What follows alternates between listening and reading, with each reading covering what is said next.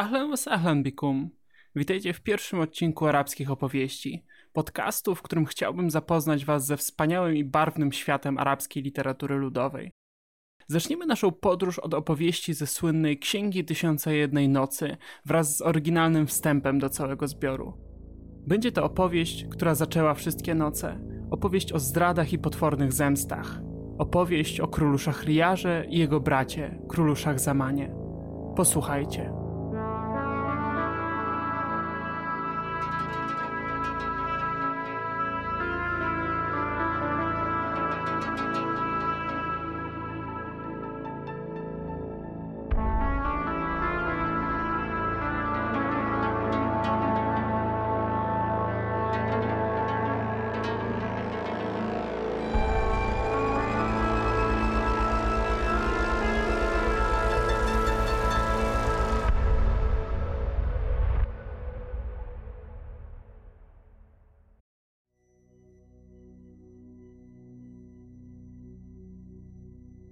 بسم الله الرحمن الرحيم.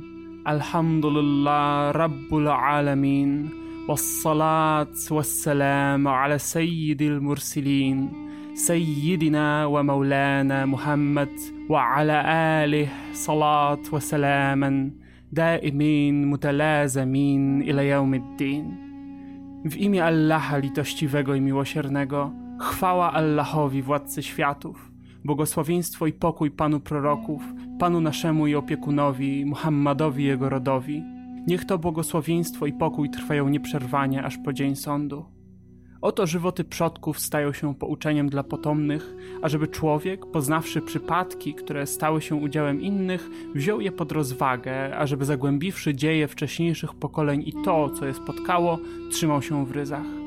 Chwała temu, który sprawił, że dzieje przodków są dla późniejszych pokoleń przykładem. Z takich to nauk składają się opowieści zwane Tysiąc Nocy i Jedna, ze wszystkimi swymi osobliwościami i przykładami.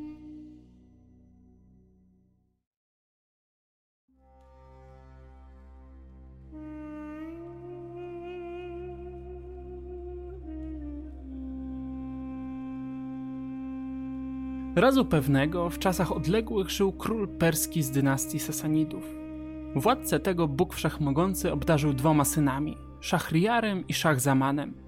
Szachriar był starszy wiekiem, a dzielnością swą przewyższał najwspanialszych spośród rycerzy tamtych czasów.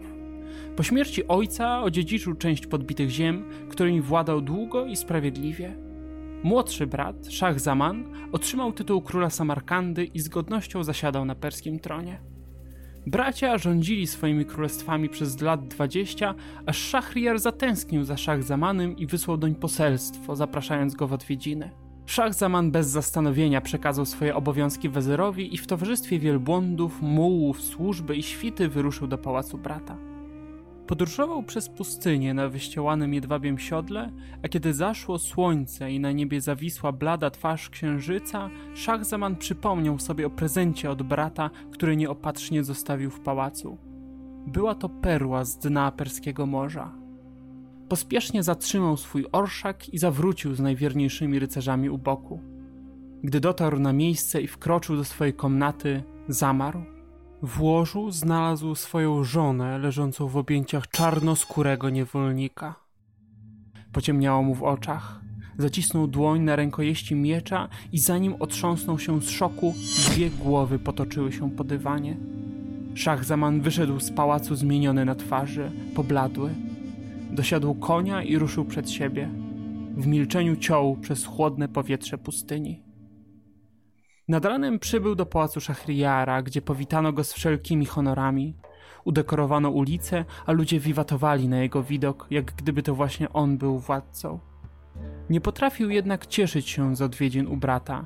Nie jadł ani nie pił, czuł niemoc, ilekroć starał się mówić, a w każdym jego ruchu znać było słabość. Szachriar zmartwił się stanem brata, uznał jednak, że ten troska się o państwo, którego los zostawił w rękach wezyra – tak też o nic nie zapytał.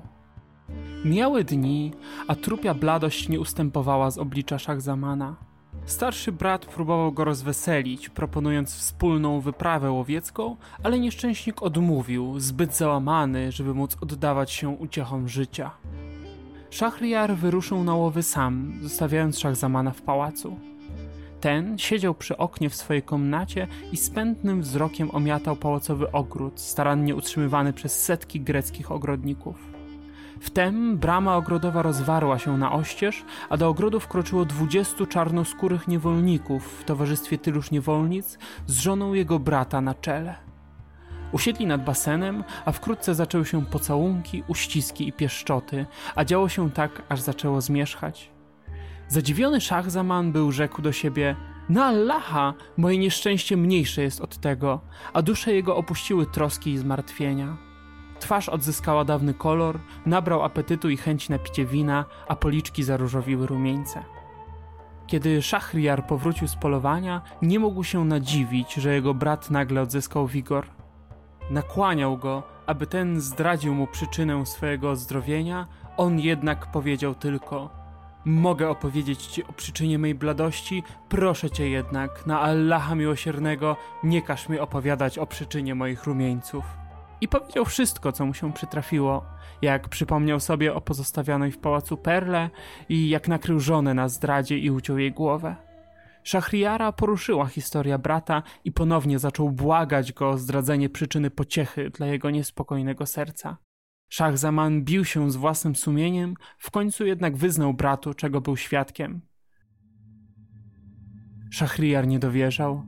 Oszołomiony wykrztusił tylko Chciałbym zobaczyć to na własne oczy. Szachzaman zaproponował więc podstęp. Udaj, że jedziesz na polowanie, powiedział, a kiedy opuścisz pałac, przebierz się w inne szaty i wróć tu do mnie. Wtedy przekonasz się sam, że to, co mówię, jest prawdą. Tak też zrobili.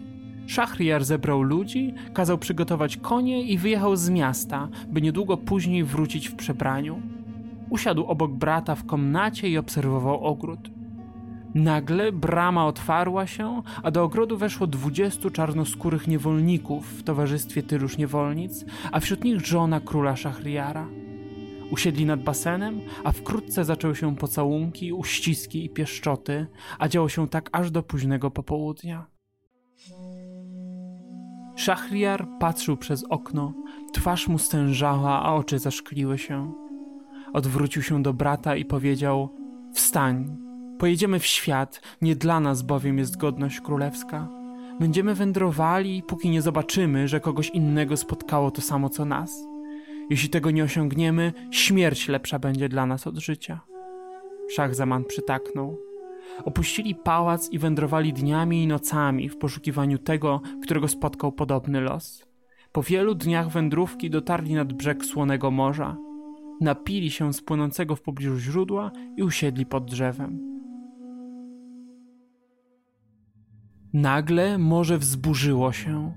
Wynurzył się z niego jakiś czarny słup sięgający nieba i zaczął zbliżać się ku łące. Przerażeni bracia wspięli się na drzewo i ukryli między jego masywnymi konarami. Ze strachem patrzyli, jak opada dym, odsłaniając postać ogromnego dżina o szerokim czole i olbrzymiej piersi, niosącego na głowie skrzynię. Stwór usiadł pod drzewem, a skrzynię położył na kolanach. Opatrzona była siedmioma pieczęciami, które zdarł otwierając wieko. Jean wydobył z wnętrza skrzyni szkatułkę, w której siedziała piękna dziewczyna. Rzekł do niej: O pani szlachetnie urodzonych, którą porwałem w noc za ślubin, chciałbym się trochę przespać. Ułożył głowę na jej kolanach i od razu zasnął. Dziewczyna zdjęła głowę Gina ze swoich kolan i położyła ją na ziemi. Wstała i spojrzała w górę, dostrzegając wśród gałęzi dwóch struchlałych ze strachu królów. Posłała im promienny uśmiech i rękami dawała znaki, żeby zeszli z drzewa. Oni jednak, zbyt przerażeni obecnością potężnego dżina, nie byli w stanie się ruszyć. W końcu, rozwścieczona ich upartością, powiedziała: Zaklinam was na Allaha, zejdźcie, bo inaczej obudzę Ifrita, a on zada wam najokrutniejszą śmierć. Zeszli z drzewa i stanęli przed dziewczyną, a wtedy ona rozkazała: Wbijajcie mocno, bo inaczej go obudzę. Królowie spojrzeli na siebie przerażeni. Wypełnij, bracie, ich żądanie, zachęcał Szachriar, nas usłyszał. Nie wypełnię, póki ty nie uczynisz tego przede mną. Żaden nie chciał zacząć, aż dziewczyna znów zagroziła, że obudzi potężne stworzenie. Niechętnie spełnili jej żądanie, a kiedy skończyli, kobieta wyciągnęła sakiewkę, a z niej naszyjnik z zawieszonymi 570 pierścieniami. Czy wiecie, co to jest? zapytała, a kiedy nie odpowiedzieli, kontynuowała. Właściciele wszystkich tych pierścieni przyprawiali ze mną rogi temu Ifritowi, więc i wy, bracia, dajcie mi swoje pierścienie. Królowie pokornie ściągnęli sygnety i oddali dziewczynie, dziwiąc się niezmiernie. Szach Zaman szepnął do brata – to jest Ifrit, a zdarzyło się coś gorszego niż nam. Niechże więc to nas pocieszy. I tak, znalazłszy największego spośród rogaczy, mogli z lżejszym sercem powrócić do swoich królestw. Kiedy Szachriar przestąpił pałacowy próg, posypały się głowy żony, niewolników i niewolnic. Serce jego stało się zatwardziałe i uparte. Odtąd każdej nocy kazał przyprowadzać sobie młodą dziewczynę nieznającą dotyku mężczyzny i odbierał jej dziewictwo, a o świcie kazał ściąć głowę. W ten sposób upłynęły trzy lata, a królestwo opustoszało. Pieszli z niego wszyscy, którzy mieli jeszcze córki. Pewnego wieczoru król posłał swojego wezyra po kolejną dziewczynę. Biedny doradca błąkał się po opustoszałych, wyludnionych ulicach w nadziei, że uda mu się odnaleźć chociaż jedną czystą niewiastę. Po kilku godzinach bezowocnych poszukiwań wrócił do domu, gdzie siedział smutny i przerażony wizją królewskiego gniewu. Wezyr ten miał dwie córki, Szeherezadę i Dunjazadę, które za wszelką cenę chciał obronić przed szaleństwem swego pana. Starsza córka, Szeherezada, była dziewczyną wielce uczoną, znała księgi, kroniki, podania o życiu starożytnych królów i opowieści o żyjących niegdyś ludach. Mówiono, że zgromadziła ona tysiąc ksiąg związanych z dziejami wcześniejszych pokoleń, królów minionych czasów, a także o poetach. Dostrzegła wielkie zmartwienie ojca i domyśliła się, czego dotyczy. Usiadła przy nim i powiedziała: Ojcze, zaprowadź mnie do królewskich komnat. Albo zachowam życie, albo stanę się wybawieniem dla dziewic muzułmańskich i ocalę je przed królem. Wezyr próbował odwieść ją od tego potwornego pomysłu, wiedział bowiem, że po przekroczeniu bram pałacu dziewczyna będzie stracona. Ta jednak nie ugięła się, aż wezyr z bólem serca przystał na jej pomysł. Szeherezada przed odejściem powiedziała swojej siostrze Dunjazadzie Kiedy król zaspokoi ze mną swe żądze, wezwę cię do komnaty, a wtedy powiesz – Opowiedz nam, siostro, jakąś ciekawą opowieść, abyśmy skrócili sobie godziny czuwania, a ja opowiem jakąś opowieść i jeśli Allah pozwoli, będzie to dla nas wybawieniem.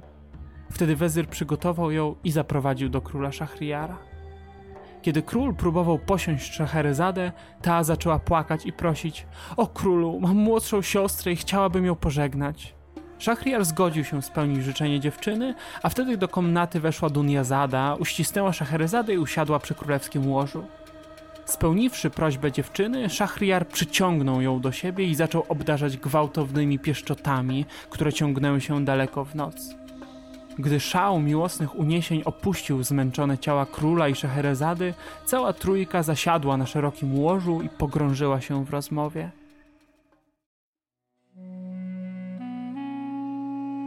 Księżyc zawisł wysoko na niebie, noc dłużyła się, a sen nie nadchodził. Dunjazada zaproponowała: Na Allaha, siostro, opowiedz nam cokolwiek, by skrócić bezsenne nocne godziny. Szeherezada odrzekła: Bardzo chętnie, jeżeli tylko zezwoli mi nasz światły król. A do króla sen jakoś nie przychodził, gdy więc usłyszał te słowa, uradował się, że posłucha opowieści. Tak więc pierwszą noc Szeherezada zaczęła opowiadać. Wieść niesie o królu szczęśliwy, że żył kiedyś bardzo bogaty kupiec, który prowadził swoje sprawy handlowe w różnych krajach. Pewnego dnia dosiadł on konia i wyruszył do któregoś z tych krajów, aby pobrać tam swoje należności. Gdy w drodze zaczął dokuczać mu upał, usiadł pod drzewem, sięgnął ręką do torby podróżnej i zjadł kawałek chleba i daktyla, które wziął z sobą w podróż. Zjadłszy daktyla, wyrzucił pestkę i natychmiast zjawił się dżin olbrzymiego wzrostu z potężnym mieczem w ręku. Podszedł do kupca i powiedział: Wstań, abym mógł cię zabić tak samo, jak ty zabiłeś mego syna. Ojej, nadchodzi już świt. Musimy kończyć naszą opowieść, ale nie obawiajcie się. Przyjdzie na nią czas następnej nocy. Wtedy usłyszycie opowieść o kupcu i dżinie. Tekst opowiedzianej przeze mnie historii przygotowany został na podstawie tłumaczenia Władysława Kubiaka. Tłumaczenie to znajduje się w polskim wydaniu Księgi Tysiąca i Jednej Nocy z 1973 roku pod redakcją Tadeusza Lewickiego. Na przestrzeni opowieści swobodnie cytuję fragmenty wspomnianego tłumaczenia.